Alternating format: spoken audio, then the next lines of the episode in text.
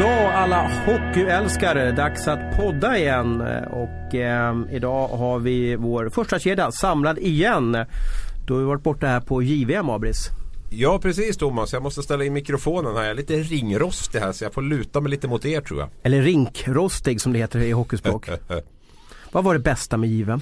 Eh, jag tyckte nog det bästa var någonstans spelet i slutet av turneringen från det svenska laget. Tycker jag var det bästa. Hur man agerade i semifinalen mot USA och hur man agerade i finalen mot Kanada. Sen räckte det inte hela vägen men Ja, jag har förmånen att vara på åtta JVM i rad nu tror jag det är. Och det, det är jäkligt tufft på den yttersta, alltså på guldnivån där och att de gjorde så pass bra som de gjorde det, det kände jag nästan lite stolt över. Och så fick du en extra semesterdag också i Nordamerika. Vad, vad gjorde du under den, den tiden som du fick Ja, eh, jag en hyrbil och tog mig till Toronto typ ungefär. De, SAS ställde in flyget från Chicago där så vi fick försöka hitta lite andra eh, lösningar på det hemvägen där. Men jag får väl ge en stor eloge till fotograf Wikström som är en, han har stort A i, i sånt där. Så att han, han fixade till det åt oss. Och eh, SAS har varit schyssta efteråt också ska jag säga.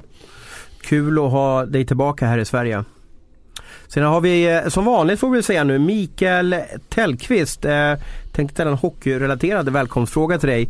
Det här är ju fattigveckan i, i Sverige. Det är alltså den, den vecka där folk har som minst pengar. Vilka spartips har du till våra lyssnare?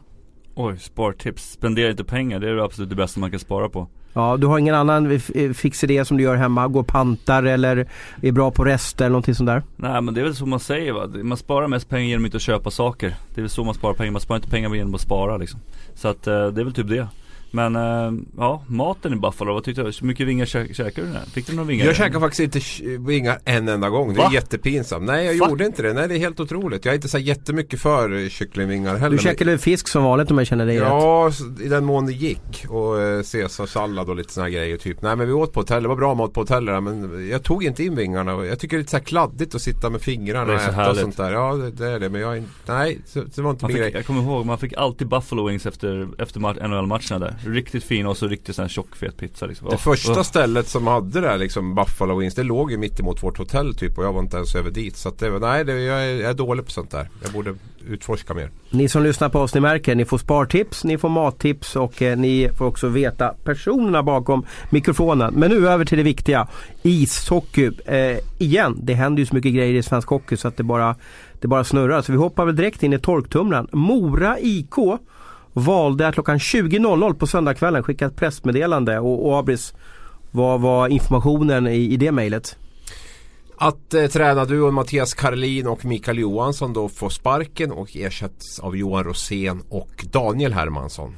Ja, hur kände du när du, när du läste det mejlet i, i, i telefonen antar jag? Jag blev inte lika förvånad som alla andra faktiskt. Jag, jag vet innan jag åkte på JVM och första gången jag hörde talas om att det var ett missnöje med tränarduon i Mora. Och eh, jag har sett att det har varit så enormt mycket förvånade reaktioner över det här. Jag är inte lika förvånad på något sätt ändå. Jag men du är insatt i svensk hockey också? Jo men det är ju många av dem som har reagerat också. Det är det som förvånar mig. Att, att det finns väldigt många tyckare som bara liksom förstår ingenting. Och jag menar Visst, man kan ju titta på en placering. Var ligger Mora nu? Man ligger 12 lite bättre än vad som var tänkt. Men, men någonstans måste man ju tänka hur bra är Mora i april när allt ska avgöras? Funkar det här tränarstaben med att liksom vässa laget i en kvalserie? Det är väl där någonstans Mora har tittat och eh, det är väl bättre i så fall att agera tidigare då än, än, än att vänta. Men eh, nej, jag är inte lika förvånad. Däremot så eh, Mora har ändå ett ganska etablerat lag om man tittar på pappret. Man har ju värvat in ganska mycket och man har, tog in ganska mycket etablerat före säsongen också. Många nordamerikaner och sådär. Så att det, det ställer krav på, på den som ska leda det här laget. Därför är jag jätteförvånad över lösningen. Jag är mer förvånad över lösningen de nya som har kommit in än att de gamla har fått sparken. Vad var det för typ av missnöje? Kan du släppa det eller?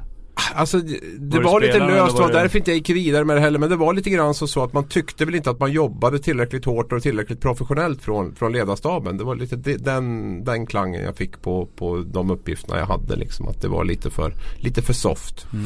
Innan vi går igenom och dissekerar Mora så kan vi väl lyssna med vad eh, Moras starke man, den dynamiska klubbdirektören Peter Hermansson eh, säger om bytet av tränare.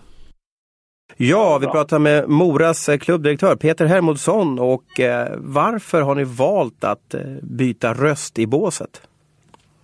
Ja, vi tycker att vi får inte ut det vi vill av laget. Vi, vi känner att det är helt rätt för oss att göra det här bytet. Men ni är ändå på plats 12 i, i högsta serien. Det var ju kanske bättre än vad många experter hade trott inför säsongen.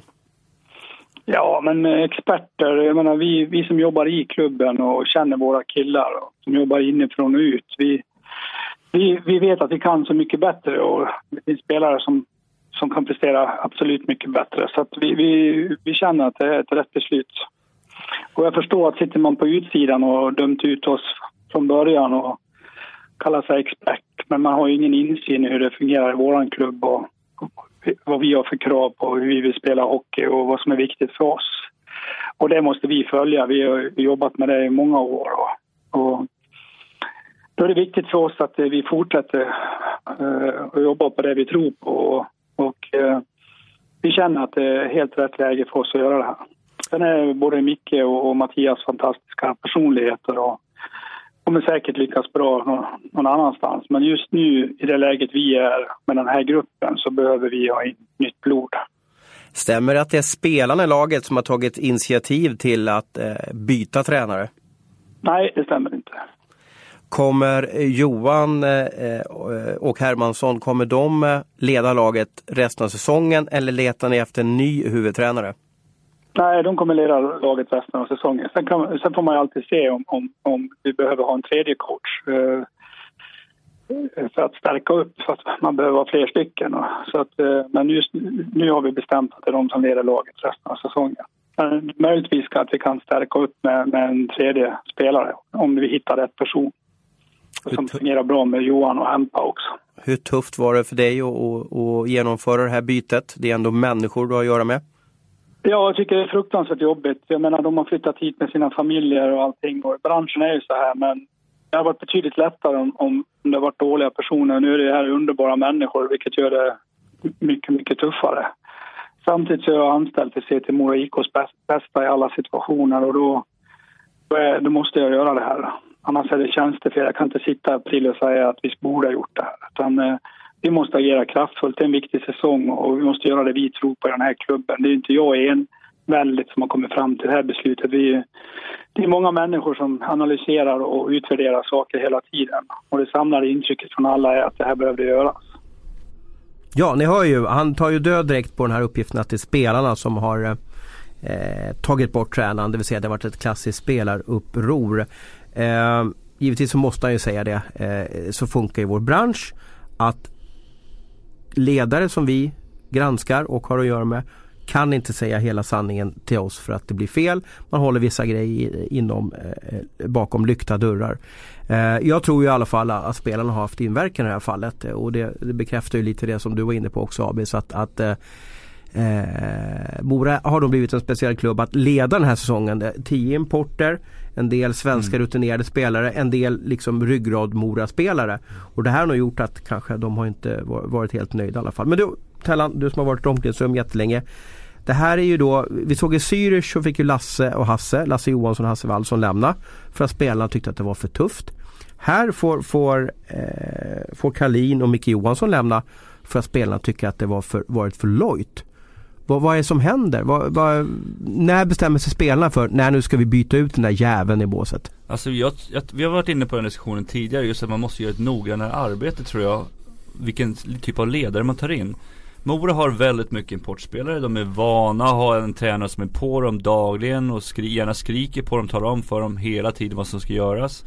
Eh, då kanske man inte kan ta in spel eller tränare som som vi har hört och som kanske har en annan approach till det. Lite, lite mjukare, lite mer friare och sådana grejer. Samma var det ju i Brynäs också. De kanske behöver ha någon som är med på dem hela tiden. Så att, eh, ja det är lite det är lite dålig research innan också på av, av Peter och de också vad, vad de gör när de, när de anställer coacherna. Men måste de inte då ändå Hermundsson tog ju in de, båda de här tränarna på tre år, två plus ett. Man ska mm. sikta långsiktigt. Mora ska vara kvar i SHL. Hur kan man då efter ett halvår bara dra i handbromsen och, och, och slänga ut dem? Eh, det är ju för mig jätteförvånande. Men det är visserligen det är ju så resultat, resultatbaserad bransch. De riskerar att åka ut, tappa 40 miljoner i intäkter i alla fall. Men mer Abris, vad, vad, vad hörde du? Vad, alltså, vad, det, var de lata tränarna? Ja, ja alltså det, det var väl lite åt det hållet som det var. Att man tyckte inte att man jobbade tillräckligt hårt, tillräckligt noggrant. Alltså det som är så jävla intressant med Mora, ursäkta att jag svär. Ni har ju varit närmare Mora än jag som har varit i Buffalo här. Men man har ju alltså plockat in Anders Forsberg som en sorts sportchef. Nu pratar vi under kort tid där. Man har plockat in Daniel Hermansson som personlig spelarutvecklare och videocoach. Och Johan Rosén har ju funnits med i båset också här på den senaste tiden. Det har ju hänt jättemycket konstiga, eller konstiga saker. Det har hänt mycket saker man, runt den här man klubben. bytte sportchef dock. Anders Sundby lämnade ju som sportchef och så Jo, jo. tog man in har Anders in en Forsberg. ny sportchef. Ja. Anders Forsberg kom in som är ett relativt etablerat namn. Här man har tagit in en personlig utvecklare och samt slash videocoach då i Hermansson och Rosén har ju kommit i båset. Och sen plötsligt så tar de här två över då Hermansson och Rosén. Så att det har ju liksom pågått någonting i Mora. Man har väl insett att kanske SHL-spel kräver mer av en ledarstaben än vi trodde när vi tillsatte den här ledarstaben i, i, i somras. Då. Sen har väl Colleton tagit, Jeremy Colleton som jag tidigare har väl säkert tagit en otroligt stor del av det här med video, det här med personliga samtal och, och, och liksom noggrannhet i taktiskt upplägg och sånt här. Eller så har det väl varit problem under längre tid. Bara att de försökte få in lite, försöka behålla dem så länge som möjligt och ge dem lite stöttning. Och så känner vi till slut att nej det här kommer inte funka utan då måste vi byta helt och hållet. Någonting åt det hållet. Och målvaktstränaren där har ju blivit någon assisterande sportchef slash målvaktstränare också. Petter Iversen tror jag han heter. va? Så att det, alltså när man läser på Mm. Mora de senaste veckorna så har det ju Det har verkligen hänt grejer där. Vi har ju hyllat du och jag eh, Hermodsson i, i många år som har gått från först väldigt trevlig och bra att göra med också tagit Mora liksom från konkurs nästan för något år sedan här till idag att spela SHL. Eh, slog ut sin ärkerival Leksand och så vidare. Va? Men, men har de drabbats lite av eh, Karlskrona-sjukan att det gått lite för snabbt upp till SHL som är en tuff serie. Det är matcher tre dagar i veckan, du måste få in publik. Du måste ha intäkter, du måste jobba mot, mot större eh, Simor med deras krav och så vidare. Va? Har det gått lite för snabbt för dem? Jag tycker inte Jag tycker någonstans att det är rätt Alltså man ska inte, det är skönt att sparka tränare men någonstans så skickar de ändå signaler ut och att den här truppen som vi har Så tycker vi att vi borde ligga bättre till än vad vi gör Men alltså om man ska jämföra med Karlskrona så har det alltid varit liksom att vi ska alltid rädda oss kvar lite grann Men Mora ska naturligtvis ha samma grej men de vill kanske ta ett steg upp och kanske kan fighta som nionde tionde platsen liksom. Jag kan nog både hålla med och inte hålla med där. Jag känner mig någonstans att man har ju haft en väldigt liten sportslig organisation där Peter Hermodsson i princip har ju Gjort varit allt, klubbdirektör och varit sportchef Ja. i SHL. Va? Och det är väl det som är det stora problemet när man ska få pengarna att räcka till. Man ska bygga ett SHL-lag, man ska bygga en SHL-arena och man ska bygga en SHL-organisation. Då hamnar kanske organisationen sist i det ledet. För truppen måste du ha för att hävda dig på isen, arenan måste du ha för att få spela överhuvudtaget. Organisationen där ställs det ju inte riktigt samma, samma krav på. Det är väl ohållbart liksom att man kör en en klubbdirektör, sportchef liksom och sen väldigt lite folk runt honom också. Så att där tror jag nog att man blivit tagen på sängen och det är väl svårt när man är nykomling och inse vad som krävs. Det kanske man inte kan räkna ut under många år i Allsvenskan vad som krävs på SHL-nivå. Och man bygger väl inte en sån ledning, stab runt sig heller på, på, på några månader där under sommaren när man ska göra allt annat. Så att eh, tagen på sängen tror jag man har blivit lite grann. Uh, Tellqvist, har du varit med och avsatt någon tränare någon gång? Ja i Riga en gång Eh, Hur funkar det? Samlas ni då spelarna på ett fik eh, liksom en sen kväll och så bara bestämmer ni nu ska vi ta bort den där? Nej så var det inte i KL i alla fall, det, det kommer jag ihåg. Men det, var, det började bli lite missnöje med med, med Pekka som vi hade då, då, då så det var, nej det var, det, började lite Vad heter fort- Pekka efternamn? Jag tror det var Rautikallio. Rautokalja, Ja, Mikael Rautikalos pappa. där Ja, kanske. precis. Eh, så det började väl lite gnällas ett omklädningsrum och började gnällas så är det jättefarligt alltså. Men var det för att han var för hård eller var det för att han var för... För, för det, det är lite, jag måste bara flika in lite Mm. här att, att en snäll chef eller ledare brukar i min värld ha en längre eh, levnadstid än en tuff tränare. Och i det här fallet så, så hör, hör jag att Kalin och Micke Johansson var för snälla. Hur var fallet med, med Rautakalju? Men han var tvärtom. Han var för hård. Ja, Då har man ju kortare levnadstid. Då, då är det lättare att vara, vara liksom, äh, vad fan, vi kan inte jobba med honom. det är därför det är viktigt som jag sagt igen, återigen att kolla gruppen, vad är det för typ av ledare gruppen vill ha också. Det är också ett jättestort ansvar från, från sportchefer att göra det men men när, om vi går tillbaka till Pekka då så var det mer att han skrek och talade om att folk var dumma i huvudet och Management by fear. Ja, och det till slut så var det liksom att ingen lyssnade. Man orkar liksom inte höra det dagligen. Och så började det gnällas lite här och var och tyckte att han bara var dum i huvudet. Och sen eh, ja, kom det upp till sportchefen, vi fick inte de resultaten vi ville ha i, på, på isen heller. Och då är KL skoningslös, då åker man ut direkt. Men var du med då i något typ av spelråd som gick upp till klubbdirektören, presidenten och sa att vi vill byta tränare? Nej, det var inte. Det var några andra som gick upp där i alla fall? Och... Ja, det vet jag inte om det var. Men jag antar att, att eh, vi hade väl Sanders Oslins och, och de här lite större, större cheferna. Så att uh, de, det var de som tog det ansvaret. Och nu Abris, eh, nu kommer alltså två ganska oprövade kort in i båset. Eh, Hermansson och, och eh, Johan Rosén. Rosén eh, har ju lite erfarenhet. Jag tror han var assisterande i Leksand under två, två och ett halvt år. Eh, låter ju som en paniklösning. Ja, alltså jag kände att jag nästan var färdig med det här. Men nu studsar jag upp igen när du tar upp det där. Ja, jag är jätte, jätteförvånad. Vi pratar alltså om den kvalserien, alltså den viktigaste kvalserien någonsin. Och då är det tänkt, som Hermansson säger, att de här två ska leda laget i den. De här två oerfarna tränarna. Eh, jag har jättesvårt att se att det blir så. Jag är helt övertygad om och jag var ännu mer övertygad igår kväll när beskedet kom att, att de har en ny huvudtränare som ska komma in.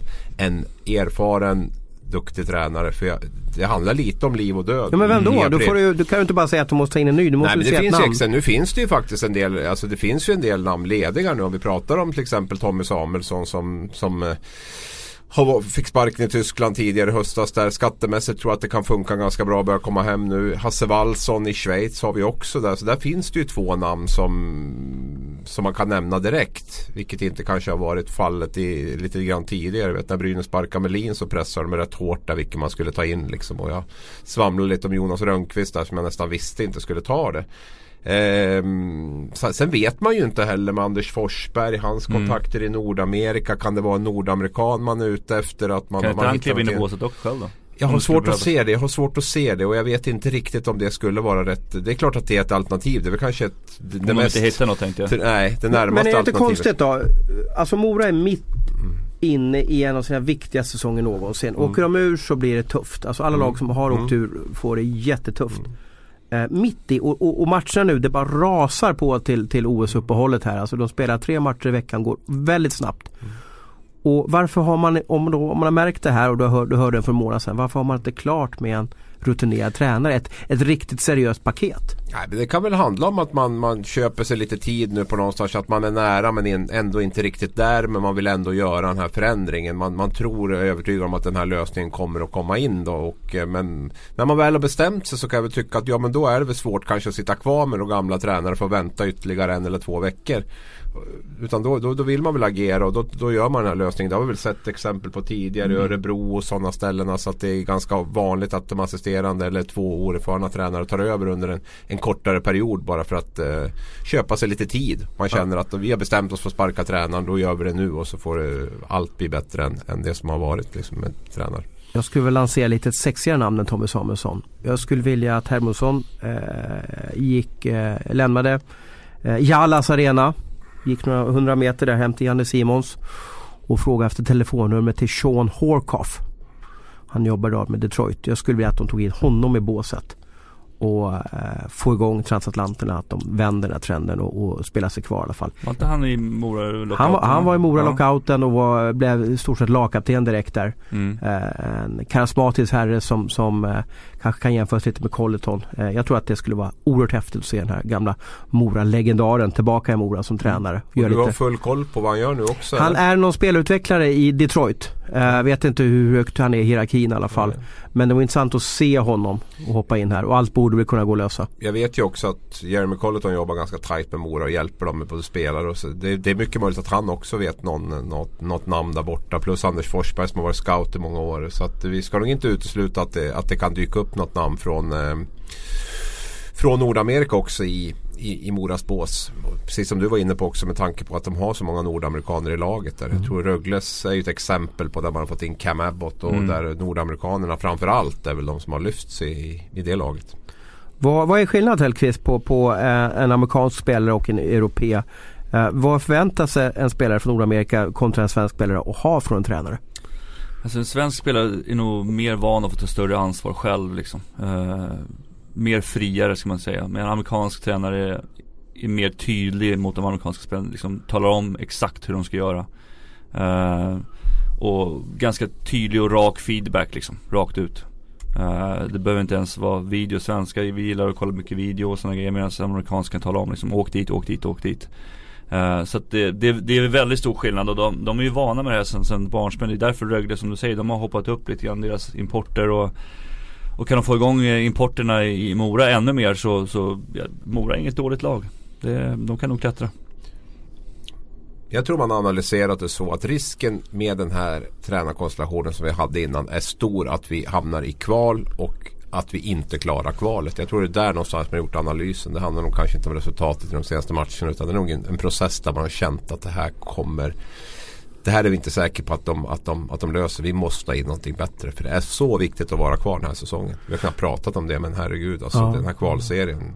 Mm. Det är ju som liksom en dubbel lottovinst att få vara kvar i SHL. Alltså en 8 miljoners vinst, dubbel 8 miljoners, 8 miljoners vinst. De har ju TV-pengar redan idag Mora men de får ju alltså en större kaka tänker på sådana här klubbar som Rögle, Karlskrona, Mora om man inte klarar sig kvar. Jag tror man har satsat ganska hårt på att man ska vara kvar och att det är liksom den pengapåsen som kommer in där i maj ska rädda mycket av det man har lagt in nu. Rögle har väl lagt enormt med pengar på att spela. Och då har ju en till också. Mora spelar ju på dispens den här säsongen i sin ja, Jallas Arena. På åtta månader nu måste de ju mm. se till så att det blir en SHL-arena. Det är tufft också när det, ja, det stormar som det har gjort nu också. Mm. Och som du säger Rögle har ju lagt mycket pengar nu på slutet också på, på en hel organisation. Liksom. Och även Mora om man tittar mm. där också. Men som har tagit in spelare under tiden. Man har tagit in nya tränare, sportchefer. Alltså hela den biten. Karlskrona som redan har sin ryggsäck med, med jättestora skulder och sådär. Det blir eh, Ja, det kan bli en mardröm för, ja, Man, man ser ju på valet av, av vad Rögle gjorde av målvakterna också. De skickar ju Kruse liksom. De behåller två rutiner just utifall att någon skulle gå sönder liksom. Mm. Och, och, plus att de kan alternera båda två. Så att det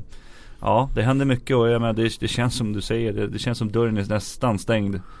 Det är i alla fall några spikar extra i dörren när, när, efter den här säsongen. Men det som är intressant nu det är ju det här med, eh, på torsdag möts ju Rögle och Mora i Lindab Arena. Och eh, man ska väl inte ge allt för mycket speltips men jag skulle i alla fall kunna gå in på en tvåa. För jag kan gissa och tella Fili här att nu är det upp till bevis för spelarna. Nu har, mm. de, nu har de tjatat bort en tränare. Mm. De har inget mer att skylla på. Då kommer de vara som, som eh, frustande hundar eller hästar ute på isen där bara för att bevisa att vi mm. kan spela hockey. Nu har vi fått bort honom. Nu jäklar kör vi. Blir det inte en sån gruppdynamik? Jo, det, blir det. det. Det brukar ju vara det i alla fall några matcher. Sen brukar det lugna ner sig lite grann. Men de första två, tre matcherna brukar ju vara liksom att nu är det upp till vis. Och sen gäller det då för tränarna att bygga vidare på den här energin som de har skapat själva då. Uh, så att det får vi se om de, om de klarar av det eller inte. Men det, det kommer nog bli en rolig match och en viktig match. Och jag tror att de känner de flesta att, att Örebro är lite skadat just nu och att de kan ha lite häng på dem också. Och eh, vi satt ju mässa till varandra på morgonen här Abris och, och, om jag börjar rabbla lite klubbnamn här så kan du säkert hitta min röda tråd. Leksand, Rögle, Mora, Brynäs, Södertälje, Vita Hästen, Karlskoga och Panten. Vad har de gemensamt? Det är åtta klubbar i Hockeyallsvenskan och SHL som har sparkat sina tränare. Jag satt faktiskt och skrev en tyckare om det här precis innan vi gick in i studion. Om, om, om den här epidemin som faktiskt, måste säga, vi är i mitten på januari nu och det är åtta av 28 blir det va? Som, som har sparkat sin, sin tränare. Jag tycker det är lite beklämmande. Måste jag Vad beror det på då? Jag tror att en stor del handlar om att det finns klubbar som har fått effekt på tränarsparkningar i början på säsongen. Leksand, Brynäs, Södertälje tre exempel. Det andra är att det är en enorm press den här säsongen som vi varit inne på förut. Det, är, eh, det går inte att likna vid något annat egentligen med, med liksom det här att gå upp eller åka ur och, och allt det där. Det är press från publik, det är press från sponsorer, det är press från supportrar. Liksom det, är, eh, ja, det, är, det, det, är, eh, det tror jag är de två huvudanledningarna till det. Håller du med Tellan? Ja, tråkigt nog så, så gör jag det faktiskt. Eh, det är, det, är en, det är en tuff säsong för alla. Det är, det är leva eller dö liksom och hålla sig kvar. Det är, det, är, det är så sjukt mycket pengar som ska delas ut nästa år jämfört med vad lagen får kvar i Allsvenskan om de skulle åka ut. Så det är, det är enorm press. Och sen, sen tror jag att det är en generationsfråga också nu när, när det kommer upp med de yngre spelarna. De är vana helt all, att kunna ta mer ansvar. Mm. Uh, så att därför tror jag mycket av de här nya tränarna, de får svårt. Man måste liksom Måste lägga om sin eh, tränarstrategi också. Så vill jag, precis, jag vill alltså gå in på det som Tellan sa också. Det tredje grejen är ju det här att rekryteringsarbetet. Jag börjar bli jättefundersam hur klubbarna jobbar. Dels genom hur man rekryterar huvudtränaren men också hur man bygger staben runt honom. Alltså det känns som att vi är lite tillbaka på... Men hinner de göra det någon gång? Nej när, när, men då när, är det väl fan mig dags att, att ge, ta tid och pengar till det då. För det blir ju jätteviktigt. Det finns ju ingen klubb i hela världen som har lyckats långsiktigt genom, genom att sparka tränare. Det, det har ju hjälpt för stunden. Men det finns ju ingen klubb i stort sett som, som har levt på det. Tittar vi på Frölunda och Växjö idag som är väl de två klubbar som har varit i toppen. Senaste fyra fem åren så finns det en gemensam nämnare där. Och det är att man har jobbat med kontinuitet på, på huvudtränarsidan. Samma sportchef, samma tränare ja, och samma absolut. ledare också. Och det är ju så. Det är ju, jag tycker det är jätteoroande. Sen kan man alltid säga att det, det här handlar inte om att jag tycker synd om tränaren eller så. Men det, det är ju mer att jag tycker synd om svensk elithockey på något sätt. Att det sköts så förbannat dåligt som det gör. Det, det tycker jag är Man kan ju inte ge någon ett treårskontrakt och sen sparka dem efter ett Nej, men halvår. det är det, det, det skulle man inte göra i vilken annan bransch som helst. Bolla med miljoner liksom som Mm. gå till juniorhockey, damhockey, allting. Jo men, och, men vänta nu här. Det är ju lätt för oss också att lite efterkloka. När Mora värvade Kalin ja. Då skrev eh, de flesta experter, eh, eller som tycker om hockey, att det var jättebra. För att de köpte ut, eller vart det någon typ av utköp där från Västervik också. Kalin blev ju hyllad som Mr Coming Man i svensk hockey. Han var ju den tränaren som alla men, tyckte... men väldigt oprövad liksom. Han Jo, har gjort men- ett men- eller två år i Allsvenskan. men det var ju hade ingen som skrev, det var ingen som skrev att det oj ingen det här kommer inte gå i SHL. Jag skrev definitivt inte att det var någon kanonvärvning heller. Det kändes väl väldigt osäkert tycker jag. Men för SHL är helt, en, ändå något helt annat liksom än, än, än att vara någonting i Allsvenskan. Det man kan säga i det här läget när Brynäs och Mora och några till rekryterar tränare var att marknaden med de här namnen som vi håller på att bolla på amatörnivå var ju ganska smal. Liten. Och där handlar det väl om att där måste man väl kanske gå utanför ramen och hitta de här, de här tränarna som kanske finns i Nordamerika eller var de någonstans finns. Det kanske finns på juniorhockeynivå i Sverige eller någonstans. De här som kan bli den nya Jeremy Colleton eller vilka vi pratar om. Johan Lindbom var ju ett bra val också. Som, alltså, då måste man ju, det, det ingår ju liksom i en sportchefs och i en organisations jobb att, att hitta de här eh, namnen som, som när inte marknaden med de här givna namnen som vi kanske nämner Valsan och Tommy Samuelsson och de här finns nu. Då måste man ju, gå, då måste man ju hitta andra namn i så fall. Då, då kan man ju inte bara ta något för att man tycker att ja, men, ja, men Roger Melin är led och vi hittar inget annat. Och, eller Kalin, ja det är ju ett häftigt namn i Allsvenskan och vi hittar inget annat. Stämmer han in med den kravprofilen som Colleton hade till exempel, Kalin? Och hur involverade är tränaren och sportchefen tillsammans när de liksom går ut och letar spelare? Det är också en sån här grej. Alltså, Mora, hade, hitta Mora liksom- hade ju inte, när, de gick upp till SHL så hade de knappt en sportchef och de hade ingen tränare för nästa säsong. Mm, Vilken mardrömssituation egentligen. mm. Men igen, då menar du Abis att, att eh, Peter här, Hermundsson skulle ha gjort sin, sin läxa lite, lite mer. Han skulle ha orkat Ja men det är väl klart att han, det, skulle erkänner väl Peter nu också naturligtvis. Att det, det här vart ju inte bra. Det finns väl ingen som kan säga att det här blev bra. Det hade man väl inte gjort sin läxa, man hade väl inte gjort sin rekrytering. Man hade väl kanske kunnat försökt lite hårdare. Man kanske hade kunnat dra det ett varv till. Man kanske hade behövt titta borta i Nordamerika. Peter säger väl inte att det här vart, jo det här var jättebra. Utan han säger väl precis som jag att det här vart ju dåligt. Och där någonstans, det är alltid lätt att sitta i efterhand men någonstans så är det ju liksom klubbarnas framtid de håller på med när de gör de här rekryteringarna. Att vara framgångsrik på sikt. Och då, då, då en sportchefs jobb, en de har jättebra betalt och en av de viktigaste uppgifterna är att hitta rätt tränare, rätt tränarstab. Och då, då ställer man väl kraven högre än det. Vi som sitter och bollar med 14 klubbar och, och kastar ut något namn bara för att vi ska göra det på uppdrag av våra arbetsgivare. Det här är ju det är deras Ja, det är heltidsjobb. Ja, det är mm. på Riktigt. riktigt. Du är alltså 8 av 28 eh, huvudtränare i SHL och Hockeyallsvenskan har fått lämna. Vilket lag tror ni blir den, den eh, eh, kommer härnäst på att dra i livlinan som, som är märkt med sparka tränare? Ryan Reynolds here from Mint Mobile. With the price of just about everything going up during inflation, we thought we'd bring our prices down. So to help us, we brought in a reverse auctioneer, which is apparently a thing. Mint Mobile unlimited premium wireless. Ready to get 30, 30, bit to get 30, bit to get 20, 20, 20, bit to get 20, 20, bit to get 15, 15, 15, 15 just 15 bucks a month. So, Give it a try at mintmobile.com slash switch. $45 upfront for three months plus taxes and fees. Promo rate for new customers for limited time. Unlimited more than 40 gigabytes per month. Slows. Full terms at mintmobile.com. För det är lång tid kvar på säsongen. Alltså det är nästan hälften av säsongen är kvar. Ja, alltså ska man följa något mönster så tror jag väl kanske, alltså Karlskrona börjar man ju fundera lite grann på hur det, hur det, hur Men de har ju den där. blivande förbundskaptenen i båset. Ja det, Ja, det det får du klart. svara för Thomas. Det var du som skrev det. Så att det kan ju bygga upp på det. Nej men alltså det är ju Trenderna har ju varit lag som går dåligt sparkar ju tränaren där. Men Och tror- tror, du- som tror, åker du, tror du som en Karlskrona byter? Det är väl en annan sak. Det vi vet är att något, fler lag kommer att byta tränare. Så är det definitivt. Eh, det är väl inte omöjligt att man kommer att, att agera på något sätt. Även om jag tror att problemen i Karlskrona ligger på djupare nivå än, än, än tränarstaben. Mm. Tellan, vilken klubb tror du är härnäst då? Jag tror inte det blir någon i SHL i alla fall, det tror jag inte. Jag tror att de flesta sitter och, om vi ska gå tillbaka till våra kära vänner där nere så tror jag inte att de har ekonomi att hålla på med det heller. Jag tror att de behöver lite mer stabilitet. Däremot kanske de kan plocka in någon och, som hjälper till lite grann på sidan av. Men eh, ja, det känns som att eh, det känns som att det nästan får, får räcka nu lite grann också. Det, det, Men det, kommer ju inte vara sista, det kommer Nej, komma. Du tror att det är mer, alltså? Det kommer att bli mer. Om man Ja. sitter där och Åker säger att Örebro- det känns inte som en Örebro, Karlskrona, hamnar de i kvalserien eller riskerar kvalserien? Ja, jag tror inte att det liksom är sådär jättelångt bort att man drar det där. Men då är det mer för att tränarna tappar rummet ju, att de vill få in någon energi, inte på grund av Ja, någonting en annat. sista desperat liksom försök att lyfta laget inför den här eh, mardrömskvalet som väntar liksom i så fall.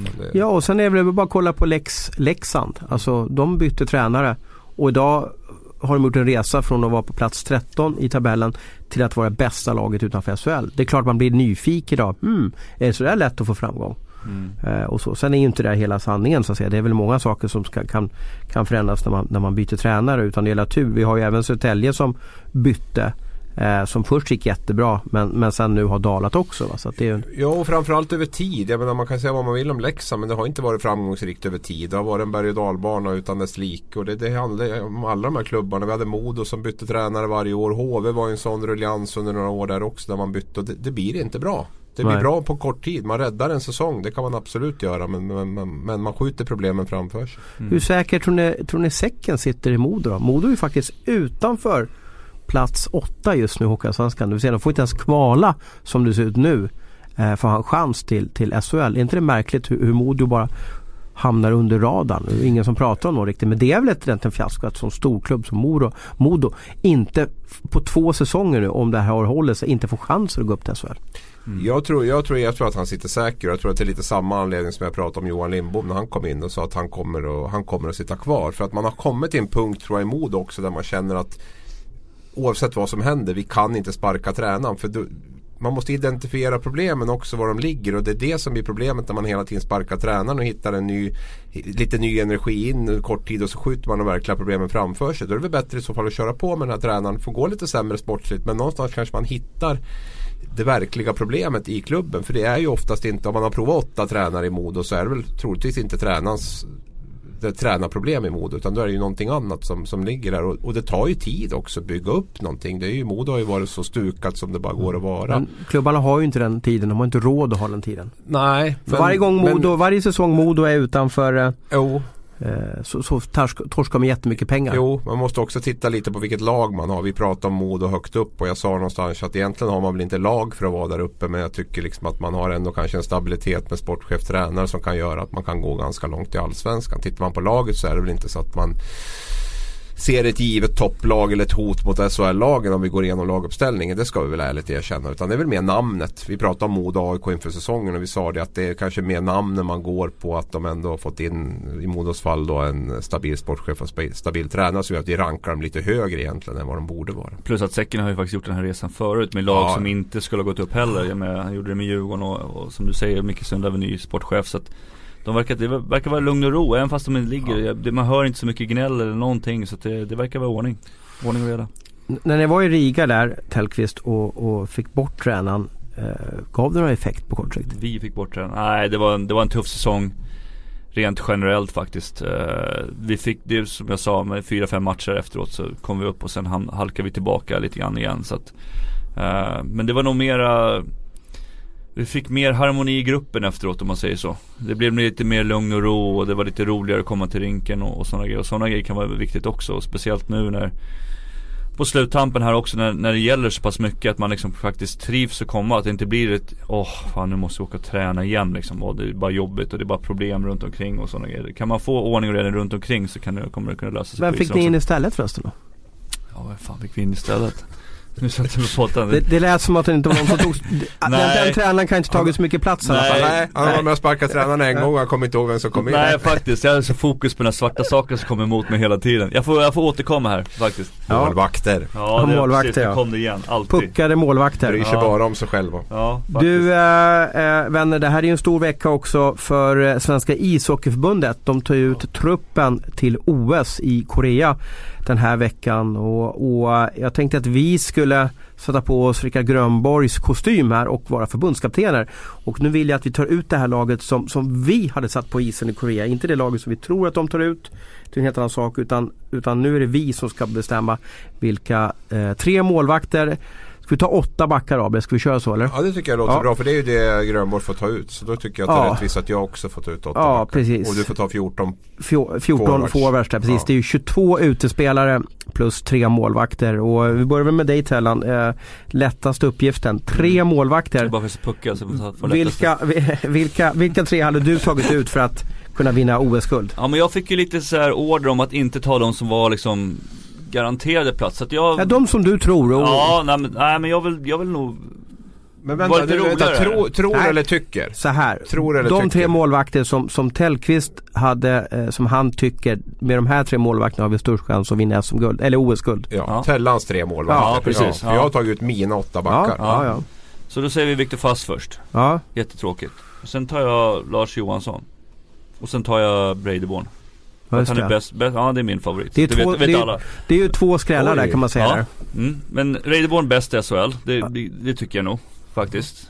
Eh, Han, även fast fast är grym sådär så har, har ju Adam ändå visat på något sätt. Jag tycker Men då är det fast som ska stå alla matcher Ja, eller? och sen har vi då Lars Johansson som jag tycker har varit grymt bra de matcherna jag sett. Även fast han har spelat typ 20 matcher mindre än vad Hellberg har gjort ungefär. Nästan 30 matcher tror jag att det är. Så tänker jag så här att i en OS-turnering där fast kommer spela så kommer man slänga in Lars då i någon match efter kanske 3-4 matcher. Och då är han van att spela på ett helt annat sätt. Han är inte van att spela varenda kväll. Och det är så jag tänker. Då kan man slänga in han och då är han van med den situationen också.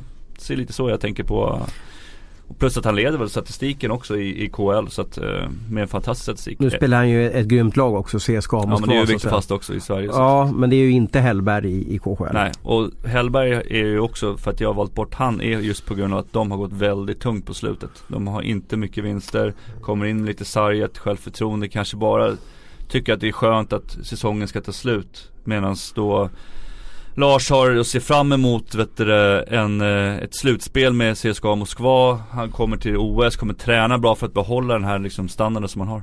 Jag köper det du säger. Jag träffade ju eh, Hellberg i Moskva eh, och han sa att han var den här säsongen var helt otrolig med alla resor. Han sa att han enda han gjorde när han var ledig det var att eh, försökte få så mycket sömn som möjligt. Mm. Det var det enda han fokuserade på för att de reser ju helt galet. De väljer ibland när de är på sina bortaturnéer. Eh, han har alltså sin arbetsplats i Kina och reser över hela Ryssland och spelar matcher. Ibland så väljer de att inte lämna Kinas tidszon. Det vill säga då går de upp fyra på morgonen. Bara för att eh, eh, inte få så jobbigt när de ska väl tillbaka. Så gjorde vi också. Ja, och det låter ju helt galet. Alltså, han sa att han tog insomningstabletter och det där och nu är det kanske ga- ganska vanligt bland hockeyspelare. Men man märkte att oerhört stort energiläckage på den här säsongen. Nu valde han ändå faktiskt att förlänga med kunden så att så, att så jäkligt kan det inte ha varit. Det måste jag Ja, fråga Tellan det- också. Kan de ta ut två målvakter som de inte har testat på överhuvudtaget? I... Nej det kan de säkert, det här var, det här var jag kanske inte ens med på Nej det är det jag menar. Så att jag menar, det här var jag tycker Mm, bara liksom. så absolut, att jag menar, det är inte säkert att de här kan Men vad har, vad har du emot eh, Enroth då? Nej jag har ingenting emot Enroth men det känns som att hans eh, karriär är liksom på väg åt ett annat håll. Det är lite det jag känner. Lars är fortfarande på väg uppåt kan jag känna. Och han spelar i så pass bra lag och han kommer vara med på slutet just i slutspelet och kunna ta CSKA Moskva långt. Jag menar Ja. de siktar på att vinna Gagarin Cup och jag menar bara det är ju motivationsgrej och, och som andra keeper i OS så måste du ha mycket energi och vara positiv och glad hela tiden och, och som du säger då har man energiläckage så blir ju allting bara jobbigt liksom. Går man runt och bara är trött och, och grinig hela tiden. Intressant uttagning i alla fall. För jag tror Mm. målvaktsbiten och igen, nu, nu, är det, nu är det vad jag tror att, att, att Grönborg tar ut, inte vad vi tycker. Så Mm. jag, jag, skulle nästan kunna ta gift på att det blir fast Hellberg och Enroth. För det är Mm. de tre målvakter man testar under året. Mm. Och det är de jag är ganska säkra på att han, han vet hur de funkar i omklädningsrummet. Lade, målvaktstränaren Stefan Lade har jobbat med dem och tycker kanske tummen upp lite. Mm. Så att jag skulle bli så oerhört förvånad om det inte blir de tre. Mm. Jag, jag, jag har gått och funderat lite på en grej och det är jättetacksam att jag har Tellarna så jag kan fråga honom. Eneroth, tror du att han skulle alltså, gå med på en tredje roll där Säga det att du, läget som är nu så är du tredje målvakt i OS. Tar man ut en sån målvakt då går han med på att bli uttagen med tanke på hans meriter, ålder och allting sånt. nej, det är ju det jag tänkt till lite på när jag tar de här två andra målvakterna också. Reideborn skulle bara vara glad att få vara med. Mm. Eh, samtidigt som att om han skulle gå ner sig lite grann så gör det inte så mycket för då har Djurgården ändå Jocke Eriksson som, som kan hjälpa till. Eh, så att han kommer ju bara sprida energi och vara glad och vara med och hänga runt omkring. Sen tror inte jag att han är med på longlist men eh, det är en annan sak. Och sen har vi då Lars då som, som är van att inte spela varenda kväll och kan komma in och leverera. Men tror du ändå att man tar ut Enroth? Som tredje målvakt? Ja, jag skulle inte vara förvånad. Som, som jag sagt tidigare, han, han har ju varit med och, och Stefan och han har ju väldigt bra Jo, kontakt. men tycker Enroth att det är kul att sitta där som tredje målvakt? Det tror jag Jo, inte att han kommer tycka nej. Men du tror att han kommer tacka ja? Det tror jag. Det ska bli spännande. Okej, det inte du- du- tacka nej, det går inte att tacka, ja det går inte tacka, han har inte Nej. varit med i OS, jo det har han varit men vet du, det- eller hur? Han var ju med i Vancouver va? Var han inte det? Vi kan Jo, dubbelkolla Jo, den han var med i. Vancouver. Det var han. Eh, så att, ja det ska vara den enda anledningen då att han inte tackar men samtidigt det kan väl vara skönt att komma ifrån Vitryssland och de har gått lite tungt på slutet Mm, också. mm. Missar nog troligtvis slutspel så att, Ja, det kanske Jag undrar om killarna får ledigt, de som inte blir uttagna. Alltså vad, vad, vad gör de här som inte kommer med? Blir de i KHL? Måste de vara i, i sin klubb eller kan de åka hem till Sverige i tre veckor? de åker till Dubai, gör alla KL-lag. Äh, Enroth Enroth var inte med 2010 så att det, det ska vi direkt säga att det var fel. Han var med 2014 var med. Mm. I Han var med i Sochi. Sochi, Mm. ja. Ja. Monstret och han och Henke var det i Sochi. Ja, så att då ju, och, och då, när, när Henke är med så vet väl alla, är det inte så Tellen, att då är det Henke som står. Ja men det blir ju lite samma i år också med fasten. Han kommer ju spela de flesta matcherna och då behöver man någon som Fast det måste ju Enroth tycka är lite konstigt. Om jag vore Enroth och så kommer Viktor Fast, står i SHL. Eh, och han har spelat i Nordamerika och kommer ut till KHL. Han måste ju tycka att han har bättre meriter än Fast. Och, och Enroth har faktiskt vunnit VM-guld. Ja Det har du rätt i, men det var ett tag Ja. sedan Ja, Man kan inte leva på gamla meriter ja men- nej, men spännande. Det, var, det var ja, det- intressanta tre namn där och det Ja. gäller ju att hitta kemi även i lagbygget bland målvakter. Mm, det är så jag tänkte Eh, du Abris har ju fått den något otacksamma uppgiften för jag hävdar ju att vår eh, backbesättning är inte den roligaste men, men eh, åtta backar vill jag ha från dig. Och hur, hur har du eh, tänkt som sagt var? Det är dina åtta backar som du ska ta ut som du tror vi har störst chans att vinna. Mm. Eh, tar du ut fyra defensiva, fyra offensiva eller, eller hur, hur Ja tänker men du? lite åt det hållet. Jag har försökt hitta en mix både mellan defensivt och offensivt men även åldersmässigt där. Att man, att man har lite spridning på det. Jag är lite så här, jag, jag, någonstans tycker jag det blir en bättre dynamik i en grupp som där det finns både ungt och, och gammalt med. Tittar man på de här Ofta när vi har haft framgångar internationellt så tycker jag det har varit liksom lite, lite upcomings eh, underifrån och lite mer rutinerade herrar. Nu tycker jag att man har varit extremt tråkig under hösten. Det har varit väldigt mycket 30-åringar som har fått chanserna här i i eh, de här Eurohockey Tour turneringarna både på forwards och backsidan. Att det känns väldigt så här, ja mycket där. Nu får du börja rabbla namn Ja, här. det ska jag göra. eh, då gör jag det fort istället. Jag har alltså tagit ut Kronwall och Hersley från KL. Jag har tagit ut Erik Gustafsson och Jonas Ahnelöv från KL också. Jag har tagit ut Jonas Junland från Schweiz. Och sen har jag faktiskt tre SHL-backar med. Efter det. Och det handlar om Rasmus Dahlin, Daniel Rahimi och Lawrence Pilot. Oj! Nu jäklar. Eh, nu vet jag inte om Pilot är med på longlist så att säga men vi hoppar den, uh, vi hoppar den uh, parametern. tycker va? Det kommer vi överens om Ja. Viktor Olofsson är med. Alltså jag skulle nästan tro att en sån som Pilot bör vara med efter Mm. hans slutspel. Jag tycker det är väl förvånande om han inte skulle vara det med tanke på att backsidan inte är den starkaste heller i Europa. Så, så bör ju han definitivt tycka jag vara med. Han var ju bra redan förra året. Så Tömmernes är inte med, Junland Nej. inte, eller fel, vad heter det? Eh, Högström är inte med och inte eh, Johan Fransson, inte Nygren. exakt. Du är rätt på det. Ehm, varför tar du med eh, Rasmus Dahlin? Nej men jag tycker att han har egenskaper. Dels har han den här, nu, nu handlar det inte om att man ska ta ut på ålder men han har ändå, det är en fördel tycker jag att han har åldern, att det finns en dynamik mellan gammalt och ungt. Sen har han egenskaper som jag tycker att vi kan inte chansa och inte ha med honom. Vi har åtta backar, jag tycker definitivt att han ska vara en av, vi, vet, vi har ju ingen aning om hur, hur bra han kan spela i en OS-turnering. Jag tror att han kan vara riktigt, riktigt bra där och eh, bara att liksom den känslan finns där tycker jag det är värt att ta med honom kontra vissa andra backar som jag lämnat utanför som jag tycker vi har sett eh, gränsen var den går någonstans för dem. Så att han ska, han ska vara med och han ska vara en av våra offensiva backar kan jag tycka. Han ska testas där. Han är ju en fantastisk back. Ja, nej men det, det, alltså det, vi, vi har inte fått fram något liknande på nej, Vi har aldrig fått fram något liknande. Vi har fått fram många bra backar men de har, de har sett lite annorlunda ut. Men det här är ju, det här är ju något, något helt unikt och något helt nytt och eh, spelar väl troligtvis i NHL redan kommande säsong.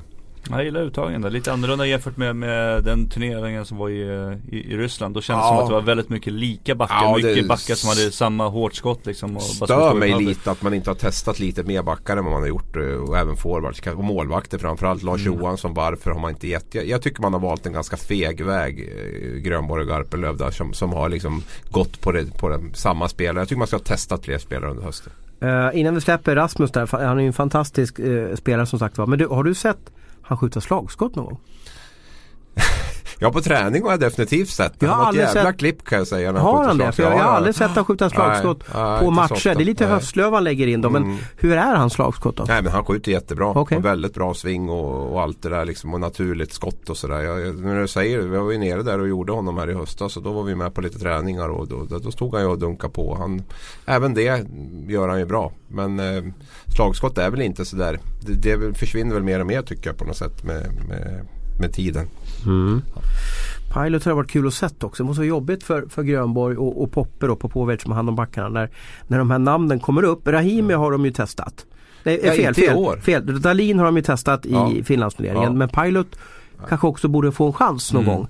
Tycker jag också. Och nu leder han alltså backarnas poängliga också. Tänk vad jobbigt det måste vara för dem när de ser det. Oj, han är bästa Och poäng. det, och det handlar ju inte bara om poäng där på Pilot tycker jag definitivt. Utan det är hans sätt att sätta igång spelet, hans rörlighet, hans sätt att lösa situationer i ko- egen kortsarg och de sakerna som jag tycker att eh, är jä- jätteintressant. att- För det är ju konstigt. Erik Gustafsson, Ahnelöv, Kronvall, Hörsley som du också tagit ut nu. Johan Fransson är ju också med som en bubblare här då. Johan Fransson kommer ju att komma med i Grönborgs trupp. Det är ju garanterat de vet de ju 100% exakt vad de får Ja, ut från. Men Pilot vet Nej. de ju inte vad de får ut av så att säga. Då borde de ha testat honom då. Men Men mina de, signaler är att Grönborg är väldigt eh, Erfarenhet prioriteras väldigt, väldigt högt. Ålder och erfarenhet prioriteras väldigt, väldigt högt eh, för honom. Jag skulle kunna säga att Hursley bara spelar powerplay till exempel. Jag Mm. menar, Det är nog inte omöjligt att Nej. det kanske blir så också. Så tar inte in en lite mer Och det är också en anledning till att jag inte har med Nygren. Jag tycker att Dalin, Hörsley, även Kronvall har ju en offensiv back som jag ser det. Pilot får väl tufft kanske att spela liksom powerplay och inte Mm. spela powerplay. Men, men alltså, därför tar jag inte med Nygren. För jag tycker att ska vi ha backar som är back 5, back 6, back 7 då tycker jag att det finns bättre alternativ än Magnus Nygren som hanterar spelet i egen zon mycket bättre. Och skridskomässigt också kan jag tycka. Ja. Pilot bättre. bara en högerskjutande back. Ja, vi Spelar får... sånt där roll eller är det bara jag som har hamnat i den vinkelvolten att det är viktigt med rightare? Nej, men jag, ty- jag, jag tillhör ju de som tycker att det, att det är viktigt att, att, att ha fler högerskyttar. Nu har det ju liksom jämnats ut mycket det här med, med, med, med powerplay och så att man spelar ofta forward. Som är, vi har ju liksom, ja, bara Fredan Pettersson och Oskar Möller som är högerskyttar båda två där. Så att där har vi ju täckning på det. Men nog bör man väl ha en eller helst kanske två är vi bra med en eller två högerskyttar som backar också. Det kan jag tycka, inte minst för, för att hitta variation i hur man går i egen zon och sådana saker. Men, men eh, i det här fallet så har jag valt har jag valt att bara, bara ha en högerskytt med. Spännande, vi får se hur, hur många namn du, du får in. Ja, som sagt för det här är din trupp och det är den du, som, som, du, som du personligen tycker borde varit med. Jag kommer att få in sex av åtta, det vet jag. Rahimi kommer inte att vara med på Pilot tror jag inte. Och jag kan också säga, för det är så han, vi känner ju Grönborg att han, Mm. han skulle ha, det ska väldigt mycket till att han ska slänga in ett, helt nytt oprövat ja, namn. Dalin tror jag kommer med faktiskt, det tror jag. Men, Mm, men, vi får eh, ringa och jaga på det efter sändningen här. Eh, forwards eh, och nu blir det ju namnfrossa här när man ska sitta och slänga ur sig 14 namn då. Eh, det är ju inte så mycket roligt att leka med om vi ska vara ärliga liksom, utan det är ju inte no, no, ett mästerskap där NHL kan vara med och, och vi är ju ganska begränsade när det handlar om, om eh, forwards. Jag vet att du tog ut forwards förut och när du skulle ta ut dina centrar Abris så började du nästan och, och smågråta för att det, det tog ju stopp. Det fanns ju inget mer att plocka av. Eh, jag har eh, tagit ut mina centrar, centrar så här så som följer och det är alltså Per Lindholm, Anton Lander, Robert Nilsson, Joel Lundqvist och Andreas Engqvist har jag plockat ut. Fem stycken. Eh, ja, jag vet om att Robban är skadad och ja, jag vet att Andreas Engqvist är skadad. Men vi bortser från det och, och därför har jag har plockat ut dem där. Joel kanske några tycker eh, är konstigt att, att han är med men jag såg honom i Moskva för en månad sedan och då var han kanske en av de bäst, bättre forwards vi hade. Det, det känns som att han passar bättre på internationell nivå än SHL-nivå. Eh, ska rabbla lite ytterforwards också. Eh, Joakim Lindström, Oskar Möller, Dick Axelsson, Dennis Everberg, Fredrik Pettersson, Linus Omark, Alexander Bergström, Viktor Stålberg och John Norman. De som jag lämnar utanför, för det kanske är lika intressant det eh, att veta om då, så är det då Johan Ryno, Viktor Olofsson, Elias Pettersson, Elias Andersson och Patrik Zackrisson. Det är väl de som kanske är närmast. Eh, fram med motorsågen nu. Ta de där fem namnen igen där. Ryno Olofsson, Zacke. Eh, Elias Inte. Pettersson, Elias Andersson och Viktor Olofsson. Det är de som jag bara ser. Sen har jag säkert kanske glömt något namn som är precis utanför. Men, men det är ju stort sett den truppen de har och eh, det finns ju inget roligare att slänga in. Det finns inget bättre att slänga in. Jag tror inte Andreas Enqvist kommer vara med. Så Men du menar han- på grund av skador? Ja, nej precis. Nej. Nej. Så det, Men- där kommer vi behöva fylla någon. Men jag förstår vad du, din, din Ja. tanke med det hela men eh, han är nog tyvärr borta. Så det är ju liksom en centerplats som ska fyllas där. Och vem ska spela center? Ja, men Johan, Och det kan bli Johan Ryno ligger säkert bra till där. Man tänker, inte, Robban Nilsson, är han en utpräglad center? Det, då kan han nog spela på lite olika. Men jag tycker att han, Det- han är för långsam för att vara på kanten. Det jag hör dessutom är väl att Robban Nilsson är också är ett stort frågetecken. Ja, han, eh, jag, Eh, men jag skadad. med, messade med i morse. Han spelar inte helgen. Nej. Men vad är det för typ av skador? Vet du? Rygg. Rygg, så det kan vara lite day to day eller en månad liksom. Ja, han har haft ska- skadeproblematiken i, i många år också. Mm. Så, att, så att Mm, det där är nog lite, och han är ju inte purung heller längre. Så att, eh, men eh, eh, han var ju inte bra Robban i, när, när han var med i Helsingfors. Så att det är ju inte så att liksom, det är inte, det är inte Peter Forsberg när Foppa var i Prime som, som inte kommer med utan, utan eh, vår centerstyrka då, eller eh, vår forwardspets är ju just nu Skellefteå-kedjan. Mm. Det är ju de tre som har varit bäst genomgående hösten. Det är ju de som just nu ska leda det här laget. Vi har ju inte fått igång Viktor Ståhlberg, vi har inte fått igång Fredrik Pettersson i en offensiv roll direkt och så vidare. Utan det är ju Skellefteå-kedjan som har varit bäst. Mm. Jag håller med. Ja det blir, det blir intressant. Jag tycker det fortfarande ska bli kul med OS på något sätt. Liksom det, Ryssland är favoriter, det är väl ingen snack om det. Men sen, sen är det rätt öppet alltså vilka, vilka medaljer vi kan slåss om. Eh, sen har vi ju alltid som svenska chans att vinna OS-guld också. Men eh, ja, nej, det ska bli kul. Kul att se vad, vilket typ av lag han tar ut imorgon. Om det blir några skrällar överhuvudtaget. Jag tror ju inte det. Vi var inne på det Abis, utan han, han eh, bygger ju gärna det här på, eh, det såg man ju de, de här första två trupperna han tog ut. När han tog ut så många som kom med två gånger. Då är det de han kommer satsa på. Eh, eh, vad, vad tycker du Abis? Är det backar eller forwards där vi har största eh, problemen? Många säger ju att backsidan är det stora problemet eller problemet där. Men jag vet inte om det liksom Jag tycker det känns ganska jämnt mellan eh, backar och forwards. Jag, jag ska inte säga att jag liksom gör frivolter över vår forwardsida heller så. Samtidigt som ba- inte backsidan heller är så dålig som många kanske vill göra gällande. Så att jag tycker nog att vi har ganska, ganska jämnt både på målvakter och eh, det känns så här 3 plus lite rakt över på målvakt, backar och, och forwards för mig. Jag, jag, jag tycker att vi har fått ut för lite av forwards under de här två turneringarna för att man ska liksom börja hylla och säga att vi har en väldigt vass offensiv. Framförallt när den offensiva centersidan ser ut som den gör nu med Enqvist som jag tycker var given. Jag tror som Tellan, jag tror att det blir jättetufft att eh, få honom spelklar till. Elias Pettersson då? Du såg honom på nära Ja. häll i Buffalo. Spelar han sig ur, bort från Ja, OS-truppen tror i inte, Buffalo? jag tror inte att Elias kommer med. Men jag va, tror va, det. varför smackar han in så många poäng i eh, SHL men att han är tuffare på JVM? Ja, men det är ju mycket poäng i powerplay han gör där. Plus att eh, nivån i SHL är vi ska ha klart för oss det att eh, nivån i SHL är inte så bra som många kanske tror. Det är, det är ett par snäpp till upp. Dels JVM skulle jag vilja säga de här absoluta toppmatcherna där är en nivå till upp och eh, OS även om inte NHL-spelarna är med är eh, två snäpp upp. Så att eh, det tror jag är den stora anledningen att jag tror inte att de riktigt känner att han räcker till att vara den här producerande spelaren på den allra högsta OS-nivån nu då utan NHL-spelare. Men hade inte du, du hade inte med Zacke va? Rosen. Jag valde honom utanför. Uh, Grönborg spelade honom som vinge i, i, i Moskva Mm. och han kommer inte till sin rätta där. Eh, Skulle inte han kunna gå ta in platsen hos han, han skulle kunna Han ta ändå en, 38 en, han, skulle kunna, han skulle kunna ha en, en centerplats och han spelar ganska bra med Bergström i, Mm.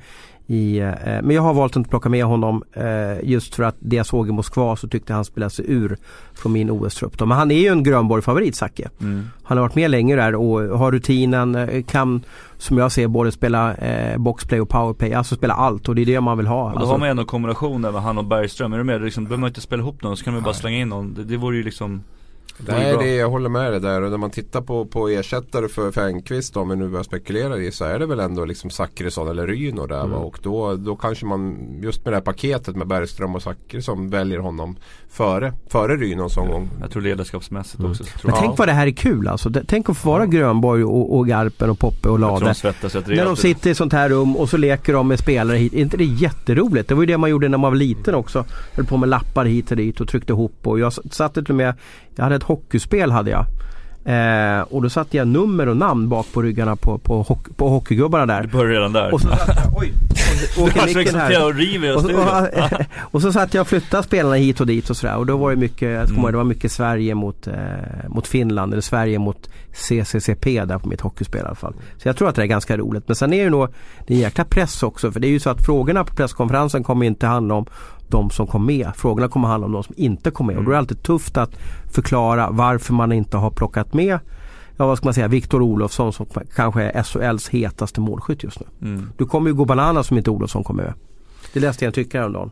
Ja, det är, jag, räknar inte med att han kommer med. Jag tycker bara att man har målat in sig lite i ett hörn med att inte testa fler spelare och att fastna lite grann i det här 30-årsgänget där, där man har eh, plocka enormt mycket spelare födda 87 liksom runt den, den, den kullen där. Så att det, det, jag tycker det är lite trist. Men eh, jag hade gärna sett Olofsson med sitt skott, eh, sin förmåga att placera sig i skottläge. Även bra passningsspelare tycker jag. Och eh, en kille som man inte riktigt vet eh, hur långt han eh, kan flyga liksom under, under en sån här turnering. Så att, eh, jag, jag tror inte att han är med men jag tycker att det är synd. Vi ska avrunda lite med att vara lite eh, personliga. Vi har ju fått eh, eh, lite tips om att vi ska, folk vill veta vem är personerna bakom mikrofonerna. Och, och Abis, eh, berätta lite, hur såg din vardag ut i Buffalo? Hur är det att vara utsänd från Sportbladet att jobba som journalist på ett JVM? Hur, eh, hur, när går du upp på morgonen? Eh, ja, jag hade ju jätteproblem med att ställa om tiden där så jag vaknade väl typ 5-6 ofta på morgnarna hela, hela, hela turneringen ungefär. Liksom. Så att eh, jag gick väl upp då. Sen försökte jag ta mig till gymmet. Eh, sen frukost på ett eller annat sätt och sen var det ju att börja planera, planera dagen då, hur det, hur det såg ut och vad vi skulle göra och sådana saker innan man åkte på träning eller matchvärmning. Då. Det berodde ju på om det var en träningsdag eller om det var en matchvärmningsdag. Och sen, sen åkte man dit och... Eh, Åkte man taxi dit eller fanns det några ja, så här bussar? ja, ha eller? så ingående. Ja, vi, vi körde en hel del Uber faktiskt. Jag hade min fotograf Jimmy Wikström är ju, har ju svart bälte i Uber. Så att han, han styrde upp det där med resorna dit. Det var för kallt för att gå. Annars var det bara en kvart. Men det, det gick inte för det var så jäkla kallt. Vad, vad- vad är det som avgör vilka du pratar med efter en träning då? Är det vilka du tycker är roliga att prata med eller finns det någon chef i Stockholm som, som, som mässar och säger eller ringer eller, eller mejlar och säger att du måste prata med honom eller vinklarna här som vi pratar om? Ja, nej men det, det ger väl ofta sig själv lite grann. Oftast har det ju varit match dagen innan eller, eller så. Så att man, liksom, man hittar väl på de, de spelare som, som känns heta och sådär. Det här JVM är ju under en tid när det, våra chefer kanske inte jobbar som allra hårdast. Det är jul och nyår där och det är mycket helgdagar och röda dagar och så. Så att det är väl inte så att eh, det är jättemycket eh, som styrs upp hemifrån. Det är väl normalt Normalt sett inte annars heller. Utan vi har väl ganska fria händer och det tycker jag är skönt. Eh, så att det, det, det brukar ge sig själv tycker jag på något sätt vad man känner att, att eh, ja, vad svenska folket törstar efter att få veta mer om på något sätt. Det är väl någonstans där man försöker lägga eh, fokus. Vi gjorde väldigt mycket på, på Rasmus Dahlin Tellan. Eh, blev han lite överhypad Dahlin där i JVM? Äh, det är svårt att inte hypa upp han heller. Eh, det man inte ska glömma är också att han är ju, det är trots allt inne på ganska mycket mål bakåt också. Eh, det ska man inte sticka under stolen med i alla fall i SHL men Lite kul när du säger det, vet du, att- att oftast är det kul för egna, vet du, vad ska jag säga, egna, eget ansvar borta. Du säger att cheferna är ganska mycket ledigt över julen, det var rätt skönt sagt faktiskt. Var det en liten pik mot cheferna eller? Nej, det är så det ser ut och det är ju röda dagar som styr det där och de går ju på ett veckoschema och, Ja. och då är det ju så. Så jag har inga problem med det och som jag sa också att vi, jag gillar som sagt att vi, vi har det ganska fritt på Aftonbladet och jag vet ju att det finns andra mm, vad heter det, mediehus, Mediehus som, som inte har det så Mm. utan där man får väldigt strikta order om vad man ska göra och inte göra. Och det, jag- det, jag uppskattar väldigt mycket att man får det förtroendet att, eh, att kunna styra själv. Sen ibland kan det ju vara kan man väl behöva lite tips och idéer också så. Men, men ska, jag, ska jag välja mellan det ena eller det andra så tycker jag att vi har en betydligt behagligare eller bättre eh, arbetsmiljö. Ja, det är bra för mig också att få vara med här faktiskt, måste jag säga. För att man lär sig en helt annan sida av, eh, av mediebranschen också. Det, man har en väldigt trångsynt syn på just media när man är som hockeyspelare. Åh, måste vi ut och prata med de där Ja, det kan jäkla vara jobbigt igen. och man vet vilka frågor som kommer och, och sådana grejer, vilka som ringer och, och sådana grejer. Så att nej, det har varit, det varit lärorikt för mig, verkligen. Eh, vilken text eller vilken vinkel eh, eh, kom du hem med från Buffalo och kände att den där var, var, var höjdpunkten? Åh jäklar Thomas. Jag kan väl, när du tänker så kan väl jag babbla fritt. Jag tyckte du gjorde en väldigt fin intervju med Lasse Granqvist gillade jag. Ja men det som poppade upp snabbt var väl alltså, någonstans, nu var väl inte Fjällby Jonsson någon jättebra intervju så men ändå de kanske intervjuerna med, med, med, med Fjällby och Lasse Granqvist ändå är någonstans som liksom sticker ut lite grann i jag skrev någon tyckare där om den här utematchen som varit väldigt läst också. Det är väl och engagerade många och många tyckte jag var dum i huvudet och sådär. Så att, eh, så, och det är väl också någon sorts, eh, det ska vi väl också sträva efter att och väcka känslor. Och, Beröra. Beröra, precis. Så att det är väl någonstans där kanske. Som är, Den sista du skrev var rätt bra också just det med streck på er lite grann. Den, Ja, okej, ja, efter finalen där, ja, jag tycker ja. man ska inte alltid liksom, visst det, det går ut på att vinna men ibland så kan Ja. man faktiskt förlora och ha gjort det bra också. Det var som jag var inne på att man varit så på många turneringar så vet jag ungefär vad nivån ligger för att vinna guld. Mm. Och den är ganska hög och det tror jag många här hemma kanske inte riktigt förstår hur, hur tufft det är där ute. Jag vet jag pratade ju med Henrik Strid, eh, assisterande tränaren och han sa det när han kom från förra årets JVM hem till Timrå som visserligen var i Allsvenskan. Kanske hänger ut Strid här om det får bli så då. Så sa han det att det kändes nästan som det stod still hemma i Allsvenskan. Som Mm. jämfört med. Nu är det ju lite rink och så ändå och juniorhockey på ett annat sätt. Men, men man ska ha respekt för att nivån, det absoluta toppskiktet där när vi pratar om guld och final är stentufft. Vem, vem var bäst i, i, i, landslaget att prata med? Vem tyckte du var trevligast? Ja, men alltså Elias Andersson är ju helt Fem fenomenal. plus, ja. ja. det är fem plus. Så att det, och han är ju bra på isen också. Så att det, nej men han är ju han är ju lite osvensk nästan på det sättet. Att han, han, nej, han, är, han är fem plus. Det är lite Niklas Lidström över honom på något sätt eller? Nej det skulle jag absolut inte säga. Alltså, Elias är ju mycket mer fri, frispråkig än vad, än, vad, än vad Niklas var. Niklas var väl liksom inte, alltså, han, var, han var ju fem plus på ett sätt så att han var väldigt korrekt och väldigt ställde alltid upp och liksom på det sättet. Men Elias är ju också så att han är ju väldigt, eh, det är ju glimten i ögat och liksom Han är ju här- tonåring fortfarande också. Ja, vi får se lite grann så. Men det känns som att han kommer att vara lite åt det hållet även, även framöver. Han, eh, han tycker om att vara där. Och det är oftast en bra grej. Som Tellan var inne på nu. Man tycker man fan ska gå ut till dem där igen. Men han, han, han trivs ju i rampljuset. Mm. Han gillar ju att stå där. Gäller att se sin egen vinning i det också. Ja det oavsett om han är skadad eller om han har gjort fem mål. Så tycker han om att stå där och snacka om det där.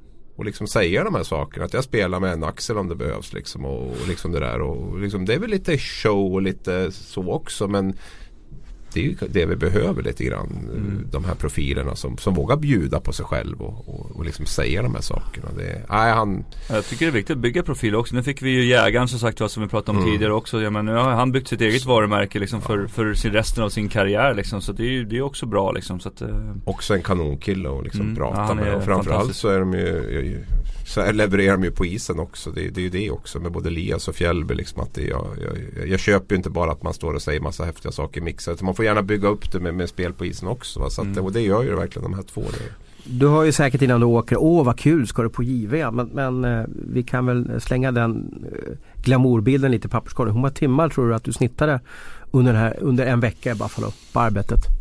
Nej, men det blir ju bara, det blir ju bara arbete och sömn i stort sett och lite mat. Så är det ju. Det, är ju alltså, det som är fördelen är att man, man, man slipper ju alla dagliga rutiner. Man, man behöver ju inte hämta på dagis, man behöver inte handla, man behöver inte göra någonting annat. Det enda du behöver göra är att jobba och sova egentligen. Så att för min del som har ganska så här mycket runt omkring i vardagen hemma privatliv så är det ju på ett sätt lite lyx också och, och bara ha två saker att göra, jobba och sova. Eh, så att på det sättet gör, gör ju också att de här långa arbetspassen blir eh, blir lite lättare att klara av men det, det handlar säkert om en 15-16 timmar om, om dagen. Man tänker ju hela tiden också, det vet ju du Thomas också, att det är inte bara de här tecknen man skriver liksom, utan det handlar hela tiden om att tänka nästa dag, vad gör vi nu, vad är det vi inte får missa, vad är det man liksom, man lever ju i det där hela tiden va? så att det är ju mer, mycket mentalt. vad vill folk läsa kan jag tänka mig. Ja, jo men absolut. liksom. Det är ju, man är ju påkopplad hela tiden. Det, det ju, kommer man ju inte ifrån. Och det har ju förändrats något enormt. Alltså Ja, så när du och jag började här Abris, då, var det, ju- då, då födde vi en papperstidning. Ja. Det vill säga vi, vi var ute, pratade med folk och sen gick vi tillbaka och så kunde vi skriva fram till halv två, kanske till och med halv tre på nätterna. Det Mm. var det enda vi behövde göra. Idag så är det ju lämningar dygnet runt. Plus att du ska kolla på Insta, du ska kolla på vinklar på Facebook, på, på Twitter och så vidare. Så att idag är det ju smått bisarrt att klara av allting som händer inne i torktumlaren då. Dessutom redigerar du ju alla artiklar själv liksom i program. Det var jag, så jag räknat att jag skrev 90 texter eller någonting där under JVM och inför JVM. Och så allt det här ska ju läggas in numera. Förut mejlade vi in en text och så lades det in liksom här. Men nu, nu ska vi liksom, och det är taggar och det är, eh, vad heter det, ja, det är så mycket som ska märkas upp och grejer. Så det, det tar ju också enormt med tid märker man ju när man är ute och skriver så mycket texter under en turnering. Får man betalt per text? Absolut inte. Det är nog vissa, vissa, vissa kan ha en sån Ja, deal då att man absolut. jobbar per timme eller Ja. per text. Men, Mm. men eh, de flesta på Aftonbladet har betalt eh, en vanlig månadslön oavsett vi drar fram löp, skandaler Klick. eller vad det kan Det göra. ingen roll. Nej, Utan- den frågan är ju väldigt bra för ja. den får man ju jätteofta. Ja, och ja men det är ju- den ja, jag har undrat ja. över också. För den är, ibland känns det som att man bara vill ha liksom klick eller såna grejer bara för att Ja. man slänger ut någonting. Nej, det är mer egna egot som Ja. handlar om klick. Okej, Det är ja, men det är inget mer- jättebra det är att tala om det. börsen. det är. Eh, och, och Dreypisen säger att han, han jagar bara klick. Men det är ju så att jag får inte en krona mer eh, om, om, om man, eh, som är baserat på klick. Det som är med klick det är att man blir lite man vill ju ha fingret i luften och känna av vad är det Mm. folk pratar om. Mm. Jag kommer ihåg att jag messade dig där på en kväll och sa att Ska du inte skriva om den här utematchen för att folk håller på och går bananas om den så att säga. Och då, är då, då har man ju känslan att ja men det här snackar man om. I Sverige, precis. Ja och det kan vara svårt Samma- kanske när ja. man är på plats för att där Mm. går man ju liksom träningen och så håller du koll på om Lias Andersson är med på isen. Mm. Eller om han är vänster, eh, andra kedjan eller var han är någonstans. Men det är kanske inte folk hemma. Folk hemma kanske då satt och kollade på den här utematchen Mm. och satt och garva med sina polare vad är det som händer. Mm. Och det där kan ju vara lite svårt när man är på plats att, att, att ha fingret i luften. Och just, just tv-biten är ju jättesvår att ha på plats på, på, eller ha, känna av på plats i och med att du inte ser tv-sändningar. Det kan ju vara att folk går bananas över att Tornberg har sagt någonting eller att de tokar på hur utematchen sänds på alltså kameravinkel eller någonting sånt här. Och det, det har ju inte vi en aning om som sitter i arenan och är på plats. Liksom där. Så att den, den, den biten, och det är ju ofta det som kanske engagerar mest. TV engagerar ju något enormt om någon säger något fel där eller någon Men det var väl när Tornberg sa att han inte tog på axeln. Det var Ja det var, jätte, jättesnackis, det var liksom. jätteroligt. Och Ja. det hade ju inte jag en aning Nej, om. Det förstår ni själva liksom. Alltså jag, jag, jag sitter ju inte med tv-sändningen på när jag är där. Det, det gör jag faktiskt inte. De som är profiler i TV blir ju som eh, de som sitter i TV-soffans kompisar. Det är Mm. därför det är lika viktigt att, att kolla lite vad de säger och vad som sker. Vi, vi hade ju även Lasse Granqvist här som, som folk älskar. Och när du ska, gjorde en lång jättefin och lång intervju med honom så, så slängde sig folk över den. Då, så att säga. Men det, och där tror jag, tror jag att TV-profilen har lite svårt kanske att suga till så att de är också, de berör så oerhört mycket. Mm. Jag vet att på ett VM för något år sedan när vi var på du och jag Abris så valde ju Lasse Granqvist att uttala eh, den ryska storstjärnan Vladimir Tarasenko som jag säger. Som Tarasenka Mm. uttalade han namnet. Eh, och det här vart ju en folkstorm att han sa fel som, fo- som folket upplevde det. Men Granqvist är ju väldigt noggrann. Han hade ju gått och pratat med en kollega, en rysk kollega och frågat hur uttalar det här namnet. Det heter ju bland annat Ovechkin säger vi i Sverige. Han heter ju Avechkin.